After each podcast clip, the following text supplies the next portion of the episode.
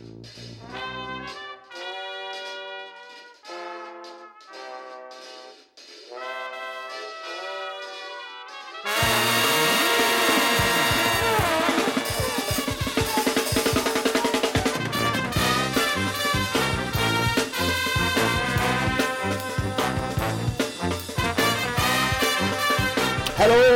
croeso i benod 87 o Ysbeidio Heilo gyda fi Llywyd Owen. A fi Lee Jones, lle byddwn ni'n rhoi sylw i'r pethau bach sy'n gwneud gwahaniaeth mawr i ni yn ystod y cyfnod hollol honco hwn.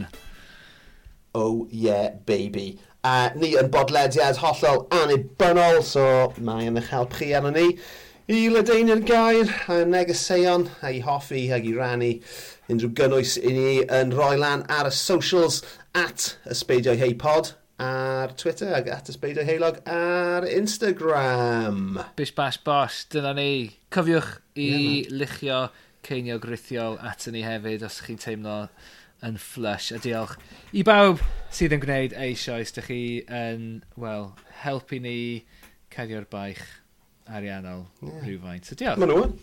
Maen nhw'n. Wel, ti'n gwybod be, Lee? Ti di... Mae gen i gwestiwn i ti. Oh, shit. Go on. Wyt ti wedi clywed am Dafydd Iwan? Pwy? Pwy? Oedd e'n pobl e y cwm? Na, ti'n meddwl am Dick Derin. Oh. Um, yeah, ti, I mean, done. Hey, joke, joke oedd yna gyda allan. A joke dda i ddechrau'r raglen, obviously. Um, so, so, yeah, I mean, ti'n meddwl, ni di... Mae ma, ma David Iwan, let's face it, mae ma wedi cael blwyddyn dda, right? mae fe wedi, uh, ma wedi cael blwyddyn reit dda, so pam yn y byd ydyn ni yn siarad yn dan fe? Um, Wel, wythnos diwetha, ar ben yr holl deithio y byd yn canu yma o hyd ac yn neidio o flan miloedd a torfeidd gwahanol yn bob man. Um, nes i weld yn canu yn fyw fel um, wrth bod UFC fighter Cymreig yn dod allan i ymladd, mm. welys sy'n footage yna. Yeah, no, um, Beautiful. Boxer, so, Joe, Joe Cordina oedd e, dwi'n meddwl. Boxer oedd e. e? Yeah. Yeah, sa'n lli cofio, ond oedd e, y e, paffiwr yma, um, a mae Lee yn mynd i ffeindio ei enw yna. Ie, Yeah, Joe, um, Joe Cordina. Oedd e'n arfer dod allan, ie, yeah, oedd e'n arfer dod allan i backing track, da, da, yma o hyd oedd ei backing track, uh, ond ath fideo ohono fynd yr allan i ennill e, uh, ffeit yn viral, a yn amlwg mae ma, ma Dafydd Iwan, e, uh, a Dafydd Iwan neu, neu rheolwr e, uh, Dafydd Iwan wedi cysylltu ac um, oedd e'n canu'n fyw uh, yn ei ffait nesaf e wrth bod e'n cerdded allan. So, um, yeah, brilliant. So, so, I mean, so mae ma, ma Dafydd Iwan wedi gwneud y cyfan, y cwbl lot um, dros y misoedd a'r flwyddyn flwyddyn ddiwetha yma, ond heddiw, jyst rhyw hanner awr cyn bod ti a fi yn dechrau um, recordio li, na, na ffrind i fi, shout out i Al Te, rannu um, fideo, un o'r... Mae nhw'n ma nhw, ma nhw bob man ar uh, YouTube o be fi'n deall. Um, be maen nhw'n gael nhw'n reaction videos, lle mae rhywun sydd heb unrhyw gysylltiad gyda rhywbeth, boed yn gan, yn berfformiad, be byddai, yn gwylio hwnna am y tro cynta, neu'n gwrando ar hwnna ar y gan am y tro cynta, ac yn, ac yn ymateb um, heb unrhyw gyd destun i'r um, darn o gelfyddyd. Nawr, os ti'n cofio, Lee, reit nôl ar ddechrau ysbeidio heipod, amser nes ti heipod, amser ysbeidio heilog, amser nes ti uh, e, ddewis pa, uh, e, Luciano Pavarotti fel y peth mm. oedd yn neud ti'n hapus. Nes i nes i wneud i ti wylio uh, un o'r fideos yma o ddyn yn America yn rhywle yn gwylio meswm dorma am y tro cynta ac yn cael rhyw fath o ma, out of body experience yn neud e. ac oedd e'n hyfryd. Yeah. Um, a dyma beth sydd gyda ni ar, yr, uh, ar y fideo fach yma nes i rannu gyda ti ddim yn hir yn ôl. So i roi'r cyd-destun i'r uh, gwrandawyr enw'r enw'r um, fideo neu yw, e, e, e, wel, B and B and E Blogs yw'r cyfrif ar YouTube a Benny yw enw y dyn sydd yn uh, eistedd yn ei gar yn smocio blunt a yn rhoi e yma o hyd arno am y tro cyntaf i wrando arno fe. Um, Beth o ti'n meddwl o'r, or, or ymateb, Lee? Ti'n offa? Ie, yeah, wel, ti'n meddwl yw... Um achos ti'n ti, crybwyll yma na fy pobl yn mynd mewn i'r thing heb unrhyw gyd-destun, a mae hwnna yw'r peth pwysig yw, yw just na ddim yeah. fath o... Uh, uh, just dim... Uh, nid rhagryth yw'r gair dwi'n chwilio am. Beth yw'r gair dwi'n chwilio am? Um, beth yw prejudice? Um, yeah, rhagrith yw pre prejudice. Yeah. Ti'n hollol iawn. Um, Wel, da iawn fi. Um, ond does dim rhagrith blaenorol neu does dim baggage o gwbl um, ganddo fe o gwbl o amgylch Cymru, y, y Cymru neu'r iaith Gymraeg chwaith. Felly pan mae fe'n clywed hwn, bod, mae fe jyst yn, jyst yn cymryd e mewn yn ei gyfanrwydd yn diwe, heb, uh, heb, a, a mae'n rhaid iddo fe trio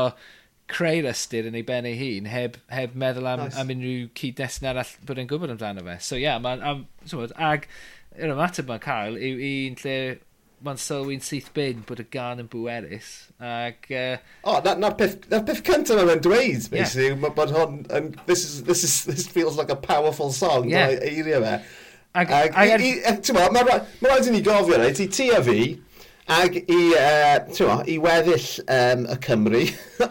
Dyn ni wedi gweld, dyn ni wedi gweld Dafydd Iwan, gymaint o weithiau, ers, ers pan o'n i'n fach, mewn llefydd yeah. shit, A, a mewn llefydd llai shit, mewn, falle mewn theatr lleol, ond ti'n gwybod, yeah. dyn ni wedi gweld Dafydd Iwan am amser hir, am, amser hir mewn uh, ystod eang o, o le, uh, leol, lleoliadau, felly, ie, uh, yeah. yeah, dyn ni'n cymryd yn ganiatawl rhywsut. Mae ma rhan o ddodref oh. y Cymru Cymraeg, yn diwe? E? Ni ddefnyddio idiom Saesneg. Yn union, ti jyst wedi hoelio fe fyna, y ffaith bod ni yn cymryd yn ganiataol, a fi'n meddwl bod y, y renaissance hwyr yma, um, mae fe wedi cael uh, e, trwy'r gan a'r cysylltiad gyda'r pêl droed, wel, ti'n mo, oedd neb yn gweld hwnna'n dod, sa'n meddwl. Na. Um, ond, ti'n mo, a hats off iddo fe, mae ma, ma fe wedi mae'r ma, gan yna wirioneddol wedi teithio o, o, o, o amgylch y byd mm. erbyn hyn. O, oh, ie. Yeah. A dyna, ti'n mo, a dyna pam, sa'n sa siŵr lle mae Benny yn byw, ond rhywle yn America, A hmm. dyna beth wedi... Dyna... meddwl dda e hyd yn hyd yn oed wedi clywed... Am Gymru. Am, am Gymru, right? Yeah. Tan bod e'n clywed. So, so, so o nynlle, mae fe'n clywed y gan, mae fe'n clywed iaith hollol wahanol. Mm. Dyw e ddim yn edrych lawr ei drwy'n ar yr iaith. Dyw e ddim yn nawddoglyd o'r iaith. Dyw e ddim yn cymryd y pus mewn unrhyw ffordd. Dyw e ddim yn chyclan ac yn chwerthin ar y ffordd mae'n swnio. Yn wir, erbyn diwedd y gan, mae fe'n basically'n belto allan y git gan. Ydy, ie, yeah, erbyn, erbyn i'r git gan ail adrodd, mae fe wedi dysgu fe a mae fe'n canu e. A mae hwnna'n ma hwnna dangos pa mor ti'n modd, sut mae'r ma gan yma, a pam bod y gan yma wedi cael y flwyddyn diwethaf wedi cael yw, achos ti'n modd, mae ma pobl yn gallu pigio hi fyny fel, fel na, ti'n modd, Ac, ie, yeah. Um, yeah, yeah. just yn wych. Yeah, mae fe'n um, rhyfeddol o ymateb yn fy marn i, a mae fe mor hyfryd i weld, a mae fe mor bir. Um, Tewa, mae fe'n Tewa, fi'n meddwl, ar, ar, ar y podlediad diwetha, nes, nes di a fi gyda'n gilydd, o'n i'n siarad am yr hw-ha dros bannau brycheiniog a'r, ti'n mo, yr, yr holl abuse mm. gaethon ni unwaith eto fel Cymru Cymraeg wrth ein um, cymdogion hyfryd ni a'i agwedd nhw tuag at, let's face it, unrhyw iaith sydd ddim yn Saesneg. Mm. Ond mae... Does na ddim elfen o hynny yn agos at yr ymateb yma. Na. A, a ti'n gallu darllen, ti'n ma, fel arfer, dwi'n un i um, osgoi'r e, uh, comment o dan unrhyw fideo fel hyn, um, achos maen nhw'n mynd i fod yn horrific. Ond fi wedi darllen rhai o'r comments, a maen nhw'n hyfryd. Mae pawb jyst mor, mor gadarnhaol am, mm. am, nid yn unig am y gan, ond am yr iaith ag hefyd am y ymateb bennu i'r holl mm. beth. Mm. Ie, ie, ie, mae jyst yn hyfryd yn diwedd. Mae lot o bobl yn dweud o diolch, yn, yn, yn ysgrifennu diolch yn y, yn y Gymraeg hefyd. Ac ie, uh, yeah, jyst yn yeah. beth bach hyfryd i bod, bod rhywun wedi gallu dod ar draws ein diwylliant ni mewn ffordd hollol amgen yeah. a bod, annaturiol. Achos mae hwnna hollol annaturiol. Dwi e ddim wedi ffeindio hwnna trwy unrhyw gysylltiad, mae rhywun wedi anfon hwnna ato fe a dweud wrtho fe, gwrando ar hwnna, a ti'n tymod, ymateba di at hwnna. A dyna beth mae'n mynd i gael. Yeah. Mae'n ma wych, mae'n jyst yn hyfryd bod, um, bod, uh, bod wedi cael y fath llawenydd gan...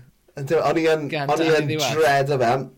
Amser nath, yn, um, nath Al Te rannu fe yn, yn um, ngreddf cyntaf i oedd, o oh, na, beth sy'n ddigwydd fan hyn nawr.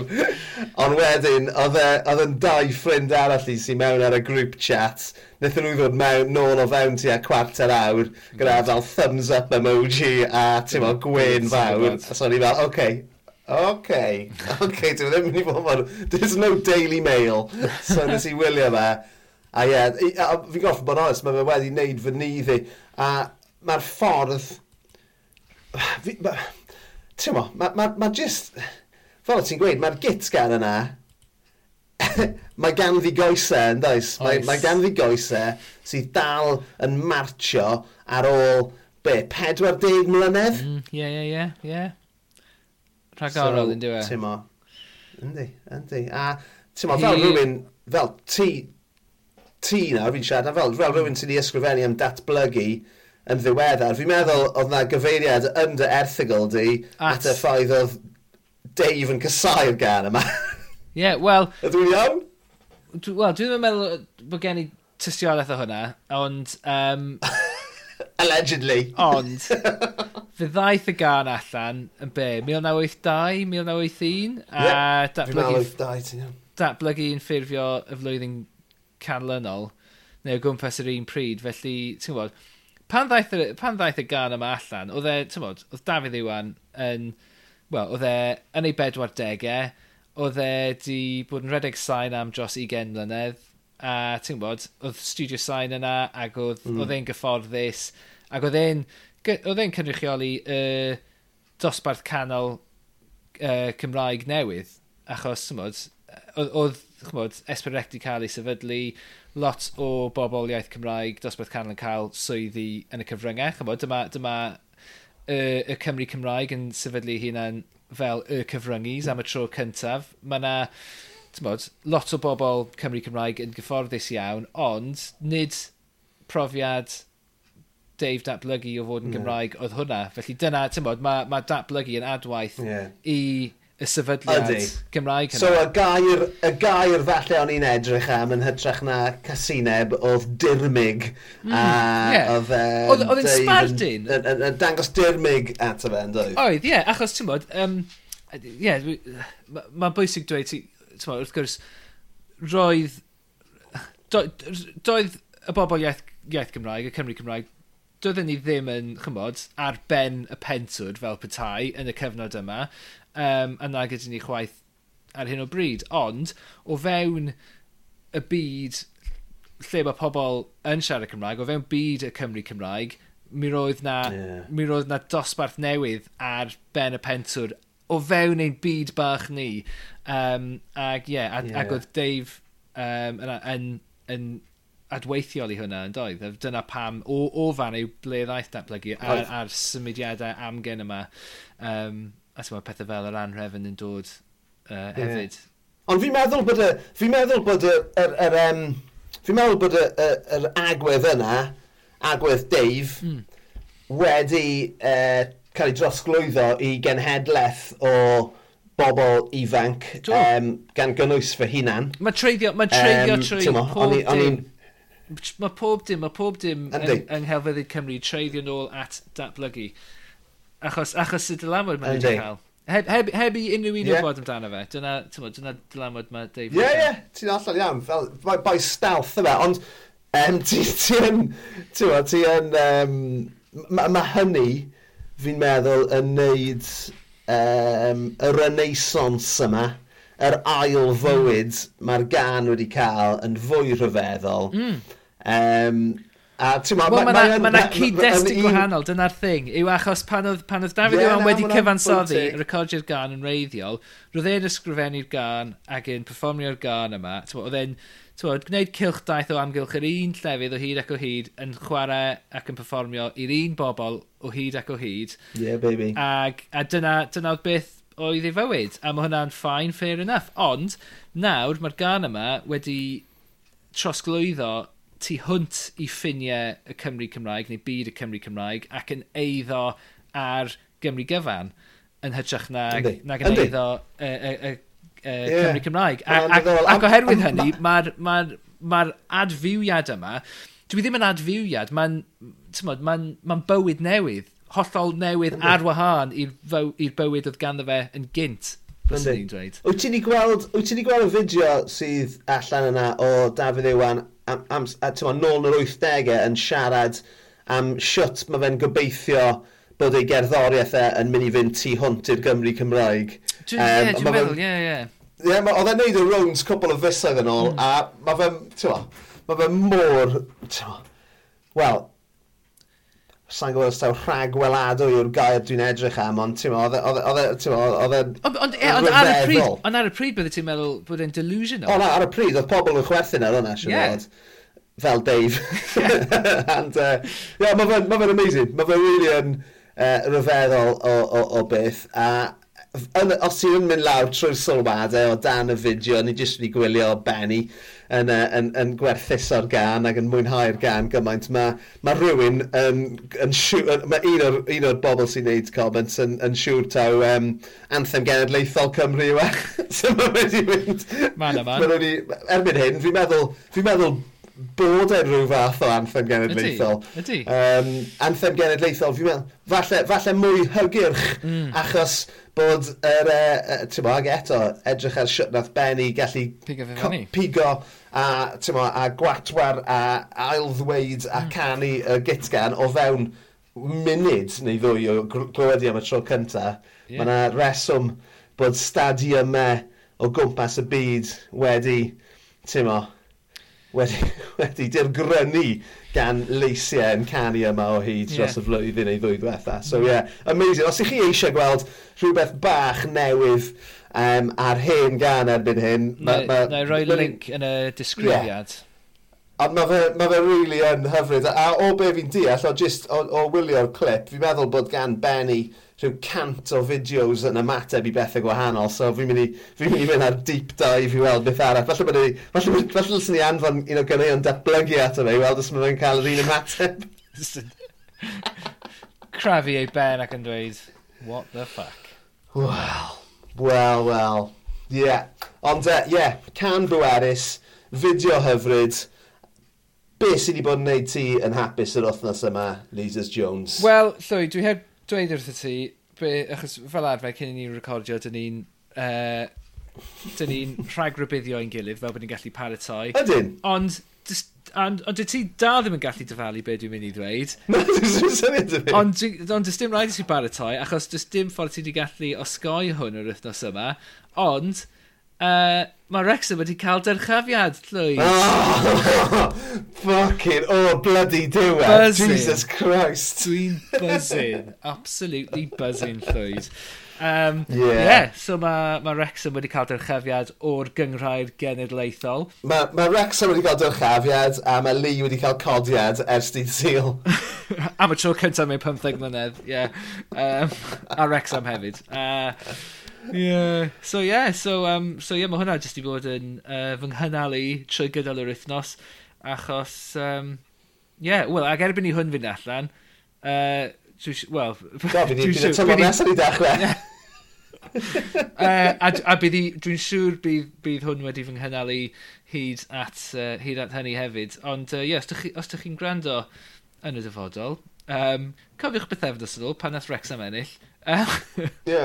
Wel, dyma ni erbyn... Wel, na, ti'n mob, fi'n meddwl, ti'n mob, mae ma, ma fe'n rhywbeth eitha, um, ti'n mob, timeless amdano fe. Oedd yr, um, ti'n mob, oedd y dathliadau, mm. a ti'n mob, ti'n mob, ni, ni, ni di diawlo technoleg fodern ar y podledydd yma mwy na unwaith, ond oedd y footage yn dod allan, um, Ti'n fucking oedd Paul Rudd. Yeah. Oh, shit that man. Yeah, Paul Rudd yn ffilmio diwedd y game. Yeah. What?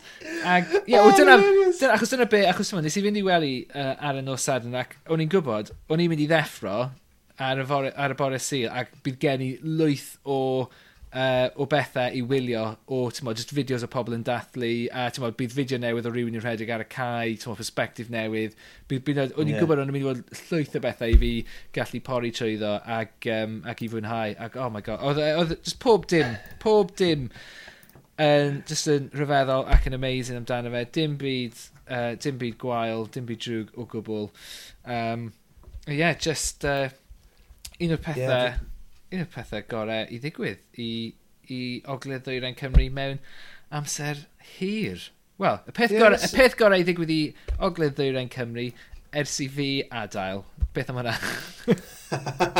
Ie, yeah. o'n i ddim eisiau gweud e. Ond, e, ie, uh, yeah, oedd na na bethau dod allan. Oedd y footage ti'n modd, o'r fath o, o'r director's box yn un peth, ond fi'n meddwl bod, na, bod e rhai o'r lluniau... Oh my god, um, maen nhw'n amazing. Fi eisiau rhoi shout-out i, i, i fenyw o'r enw Deborah Murray.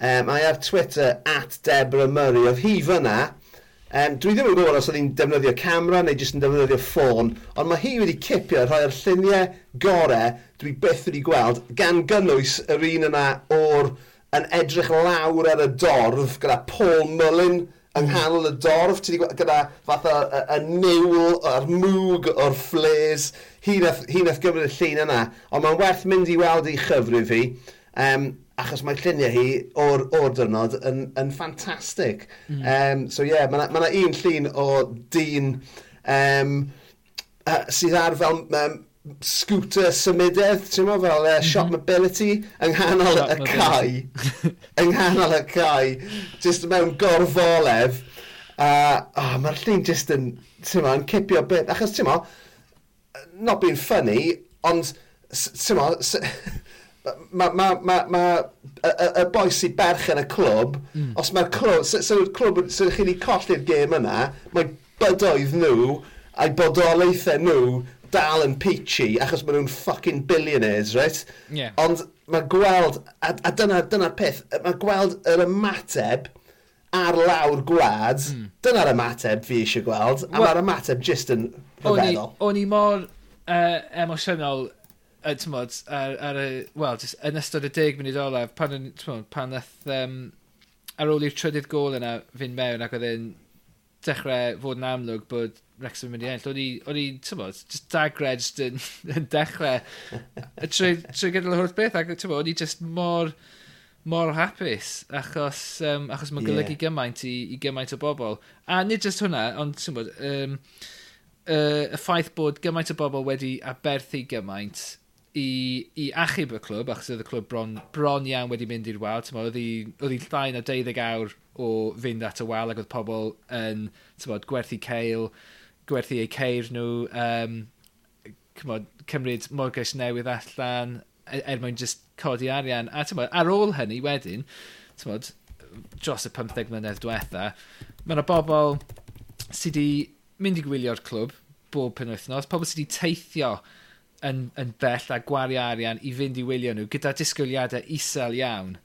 A tyma, dyna, dyna, i, tyma, y bobl yna sydd sy wedi cadw'r clwb yn, yn fyw, a nid jyst yna, ond wedi, wedi gwneud hynny gyda disgwyliadau isel. Dyna'r dyna, dyna, dyna yeah. peth mwyaf pwysig yw, nid, nid bod nhw'n disgwyl dim byd gan y clwb, jyst bod nhw'n deall bod hwn yn, um, yn rhywbeth pwysig i'r gymuned, ac mae'n ma yna werth ynddyn nhw i gefnogi hynna, boed, boed y clwb yn lwyddiannus neu peidio. Felly, ti'n maen nhw'n deall yeah. beth yw, beth yw gwerth y clwb yn y, y cyd-destun hynny. Ond, i'r bobl y hynny cael ei wobrwyo gyda mymryn o lwyddiant. Um, a ti'n gwybod, mae'n ma, ma posibiliadau nawr o, o cael dyrchafiad o'r gyngred yna, achos, ti'n dim ond, dim ond un lle automatic sy'n na i gael dyrchafiad o'r gyngred hynny. Sy'n nuts, right? Yeah. Mae'n nuts. Yeah. Achos nawr, mae, efo Notts County oedd yn ail iddyn nhw? Ie, yeah, mae rhaid i Notts County. Yeah. Yeah. A, a dyna'r thing, os... A mae'n tough. Os, o, heb, os ydych chi'n chi anwybyddu Wrexham, mae Notts County wedi cael cyfanswm sydd yn torri recordiau yn y gyngrair. Ti'n just neb erioed wedi cael y nifer yna o pwyntiau yn y gyngrair yna no. erioed heblaw am Wrexham um, yn yr un, yn yr un tymor. Felly, ti'n gwybod, Ond oh, nawr, ma ran, ma ran. nawr mae'n rhaid i, um, mae rhaid i Notts County chwarae dwy gym That's yn ychwanegol. Er mae'n mynd i playoffs. Yeah. A llynedd, llynedd, ti'n gwybod, nath Wrexham dod yn ail yn yeah, y gyngrair a colli yn y playoffs. Uh, yeah, yeah. Mae'n digwydd, yeah. ma digwydd trwy amser, man. Mae'n na pan mae fe'n greulon, fi'n meddwl, ar y lefel yna.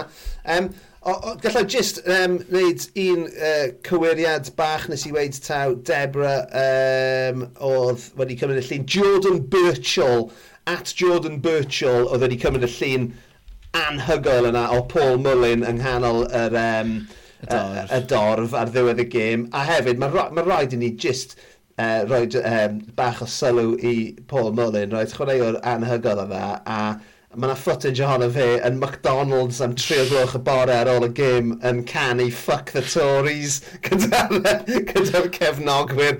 A wrth gwrs, mae fe'n gwisgo boots sy'n gyda fuck the Tories arno fe. Wel, dwi e ddim. E dwi e ddim. Nath e dynnu ddyn e e hwnnw. Eh? Nath e gael, nath e gael uh, stŵr yeah, bach am hwnna. Felly dwi ddim yn cael gwisgo. Ond, ond, ond ti'n gwybod be?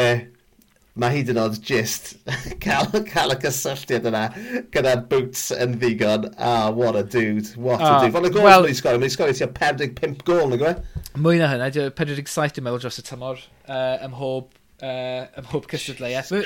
Fe, fe yw, um, mae fe wedi sgorio'r mwyaf o goliau yn cwpan yr FA eleni hyd yma. Um, mae fe, ma fe wirioneddol yn...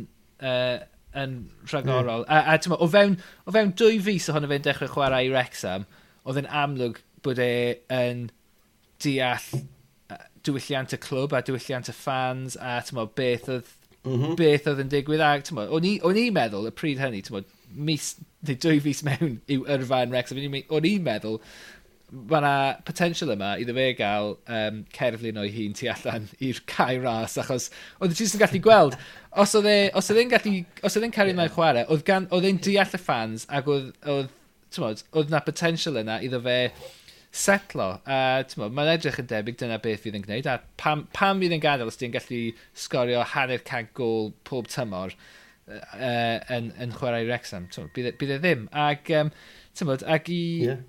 A, a just rhywun Absolutely. mor, uh, mod, sydd yn wel, ti'n mae'n scouser a mae, ma ganddo fe gwleidyddiaeth byddwch chi'n disgwyl hefyd gan rhywun o Lerpwl.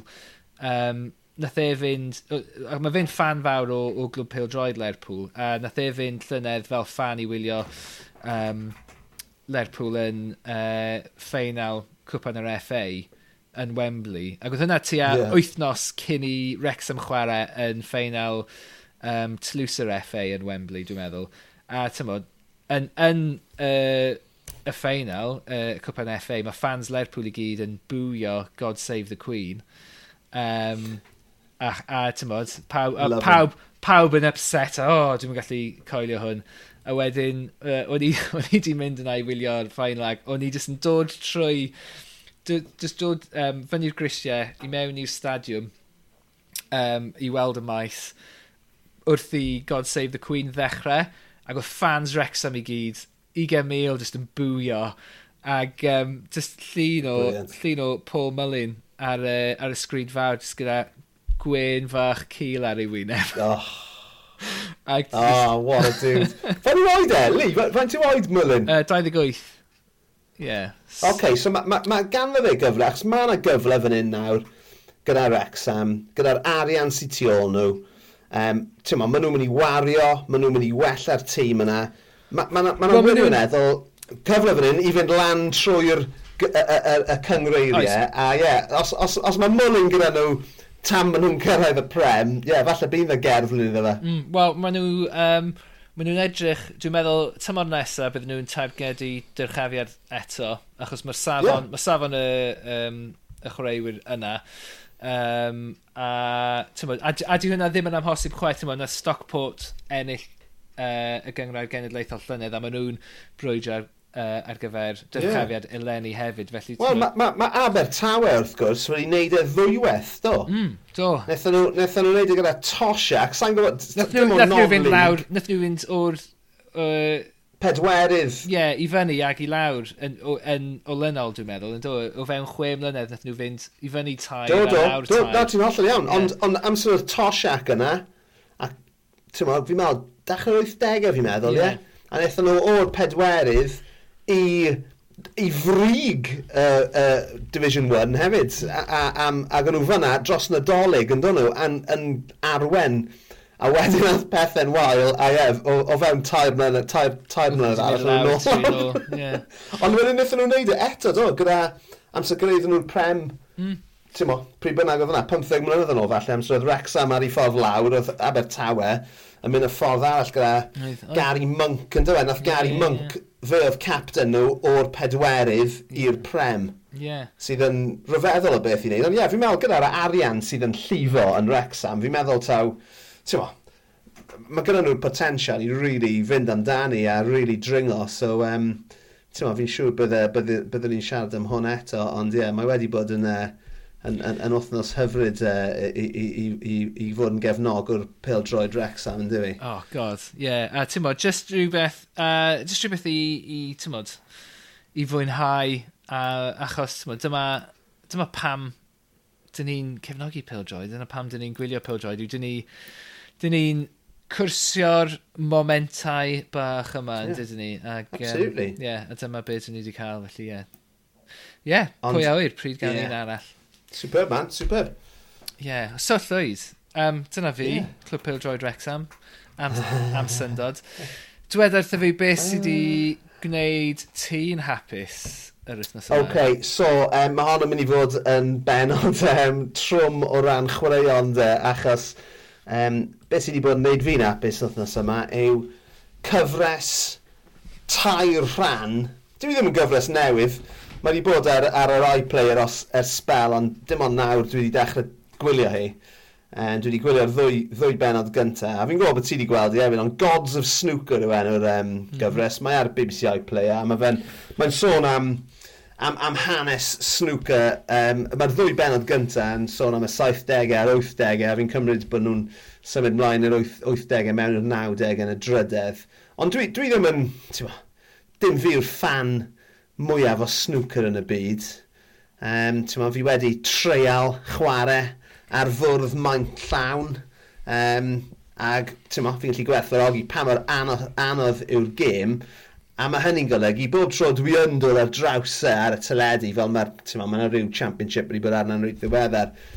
Dwi'n dwi, dwi cael yn signo mewn uh, brol yn syth, achos mae'r lefel skill sydd ar ddangos, mae ma fe jyst yn, yn, yn, yn magnetic fi'n mm. ffeindio fe. Um, nes, i, nes, i, nes i droi'r teledu man yn hwyr yn y nos rhyw wythnos yn, neu ddwy yn ôl. A sa'n lli cofio beth oedd enwer um, chwaraewyr, oedd na Gymro yn chwarae Sais, a'r Sais oedd wrth y bwrdd, a nath y Sais wneud 1-4-5 break. Mm, yeah. O'n i, ti'n ag obviously, o'n i ddim eisiau ddim yn neud yna, ond oedd e'n, oedd e'n just yn rhyfeddol, mae'r ma meistroleth dros y bel mo, yn, yn, yn rhywbeth sydd mor tu hwnt i fy ngallu i. Um, ond wedyn, ti'n mo, os ni'n mynd wedyn, anghofio snooker modern, mynd nôl i'r 70au, so mae, mae Gods of Snooker yn dachrau yn 1972 Dwi... gyda Alex Higgins yn ennill ei bencampwriaeth y byd cyntaf a mae'r benod gyntaf yn gorffen yn 1982, deg mlynedd yn ddiwedd arach, pan mae Alex Higgins yn ennill ei ail, ail, ail ben cympwriaeth byd, a'i olaf e. Ac yn y, cyfan, yn, yn, yn, yn y cyfamser, mae Ray Reardon basically jyst wedi bod yn spanco fe bod tro mae'n chwarae fe. A mae'r ma, ma, ma, um, ma, ma, ma, ma, ma hanesion a just, o, tyma, a maen nhw yn canolbwyntio ar Higgins yn rwyt ddifrifol yn y benod gynta, hmm. a tyma, gyda'r rheswm da, oedd y boi yn, wel, yn anhygoel o chwaraewr, ond hefyd yn, at, well, oedd e'n alci, mm. basically, mm. ac oedd e'n, tyma, oedd e'n yfed yn drwm trwy'r gemau, er mwyn, oedd e'n defnyddio alcohol i waredu um, y fath o'r shakes, mm Yeah. So, tas fe ddim yn yfed alcohol, gallai fe ddim chwarae snwca. Ie, yeah. ac um, oedd na un stori oedd yn um, sefyll allan o'r o un o'r finals rhwng Riordan a Higgins, 1980 neu 81. Um, y tro olaf i Ray Riordan ennill y, y bencampwriaeth y byd oedd e. Anyway, oedd y ffeinal yn cael ei chwarae dros 5 diwrnod, right? Ac ar y, ped, ar y, pedwa, ar y bedwaredd noson, oedd hi basically neck and neck yn mynd mewn i'r diwrnod olaf, ond oedd Higgins, ath Higgins allan ar all-nighter gyda Oliver Reed yn noson yna, a troi lan i'r pumed diwrnod, yn bollocks. Mm. A maen nhw'n siarad gyda Ray Reardon, a mae Ray Reardon yn 80 yna, mae Alex Higgins wedi marw wrth gwrs, ond maen nhw'n siarad gyda Ray Reardon yn gofyn iddo fe gofio nôl A oedd e'n gweud, ia, oedd hi'n, ti'n ma, oedd hi'n game really galed, ond wedyn, nath e troi lan yn piss, a wedyn chi'n mynd nhw'n torri footage o Alex Higgins, braidd yn gallu sefyll wrth y bwrdd. Braidd, a ti'n ma, braidd yn gallu gweld y peli. Um, so ie, yeah, gollodd e'r gêm yna, ond da, on dath e e yn ôl, dath yn ôl yn, yn, yn, yn gryfach y flwyddyn wedyn i ennill. Um, so ie, yeah, dyna'n... Ti'n gwybod y thing oedd yn... Um o'n i, achos nes i weld hwn, ti'n sbel nôl pan i ymlaen, um, y tro cyntaf dwi'n meddwl, ond y peth nes i wirioneddol caru am uh, gyfres yma, pan maen nhw'n siarad am uh, ffordd oedd pencampwriaeth y byd arfer bod, a mae ganddyn nhw luniau o fel oedd hi. A dwi'n meddwl, falle rhyw, yeah. rhyw British Legion yn Birmingham neu rhywbeth yw e. Yeah, yeah. Mewn rhyw stafell yeah, gefn. World Championship final. A mae fe, yeah. ma fe just i gyd yn ddywyll, uh, yn dywyll. A mae just, uh, ti'n bod, a just stafell dywyll gyda be, falle, wel, rai seddi o gwmpas yr ochre, a wedyn seddi uwch eu penna nhw, falle tair rhes o gydeiriau, falle, yeah. o, oh, yeah, o amgylch y bwrdd.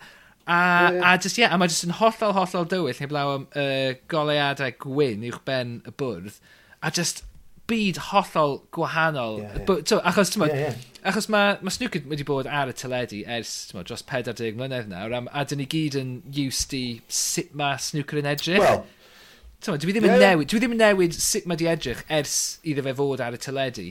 Ond Na. yn y dyddiau yna, ers, tyma, pryd oedd hi ddim ar y teledu, oedd e really yn fyd weird. Hollol, yeah, yeah, yeah, yeah. hollol tyma, dieithr i, i beth yw e nawr. Yeah. Um, mae yna ma na, ma na paralel gyda darts yn does? Oes, oes.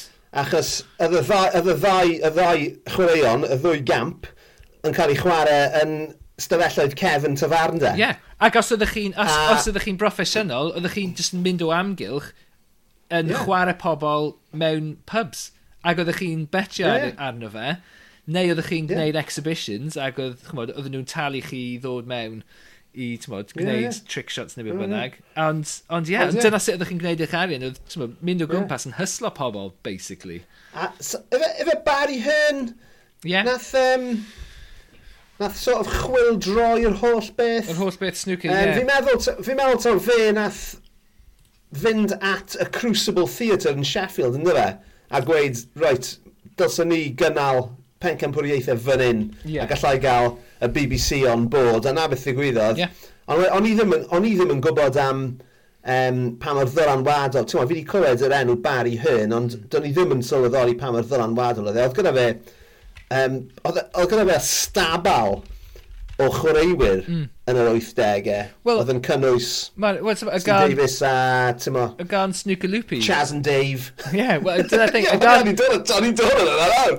Achos, mae pawb, ma pawb yn y gan yna, maen nhw gyd yn cael eu cynrychioli yeah. gan Eddie Hearn. Uh, Barry Hearn. Nid Eddie Hearn. Barry, yeah, yeah. Um, yeah. Ond, um, oedd e bron fel bod e'n cyflwyno nhw fel boy band a oedd pawb gyda, pa, pob un o'i chwaraewyr yn cynrychioli rhywbeth gwahanol i'w gilydd mm. oedd yn mynd i apelio at wahanol rannau yeah. o'r dorf. Yeah. Um, Snooker Loopy, y, y, y beth gorau am Snooker Loopy, um, top 10 hit ym Mhrydain. Sa'n sa, gallu dychmygu bod wedi teithio i America yn un ddaf yna rhyw ffordd.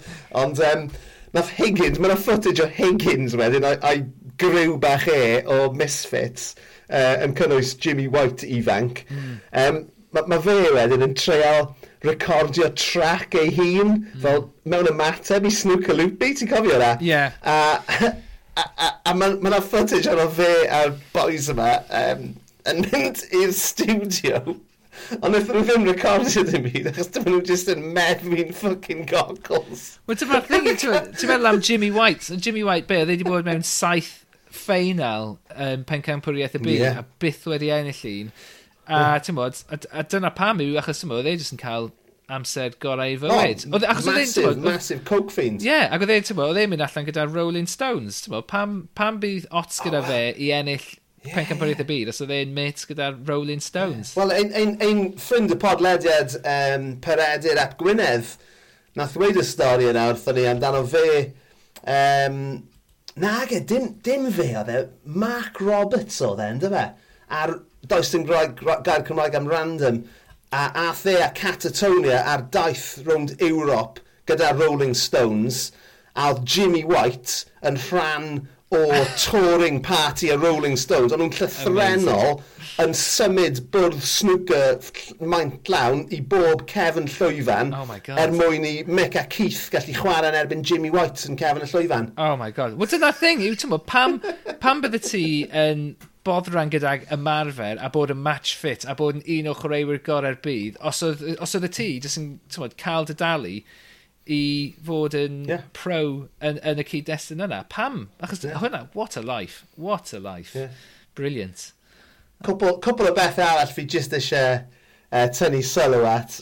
Um, ti'n cofio ffeinal, I mean, obviously, ti ddim wedi cael dy eni ar y pryd, ond wyt ti'n cofio hanes ffeinal 1985 rhwng uh, Steve Davis a Dennis Taylor?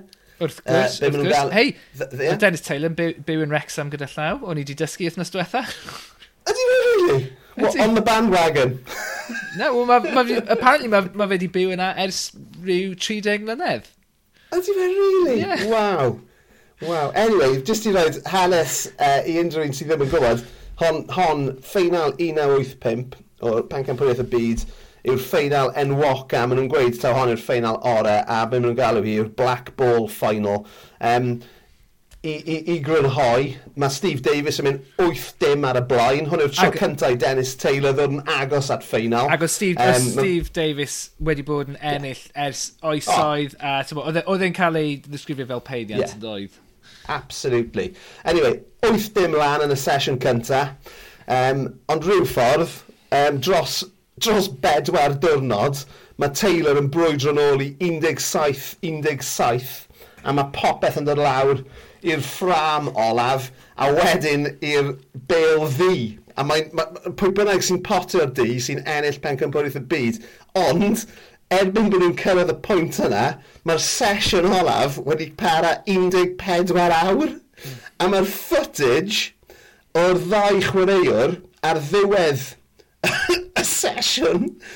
Mae ma, ma Dennis Taylor yn edrych o bod e ar, ar fi'n cwmpo i gysgu dyn nhw, dyn nhw ddim, mae yna adegau lle dyn nhw'n methu bwrw'r bel, neu maen nhw jyst yn, yn lladrach na bwrw'r bel yn iawn, maen nhw'n clipo'r bel. Mm. Ti'n meddwl, fel rhywbeth fysa ti byth yn disgwyl i chwaraewr proffesiynol wneud, ond ie, yeah, mae'r ma, ma footage jyst yn rhyfeddol.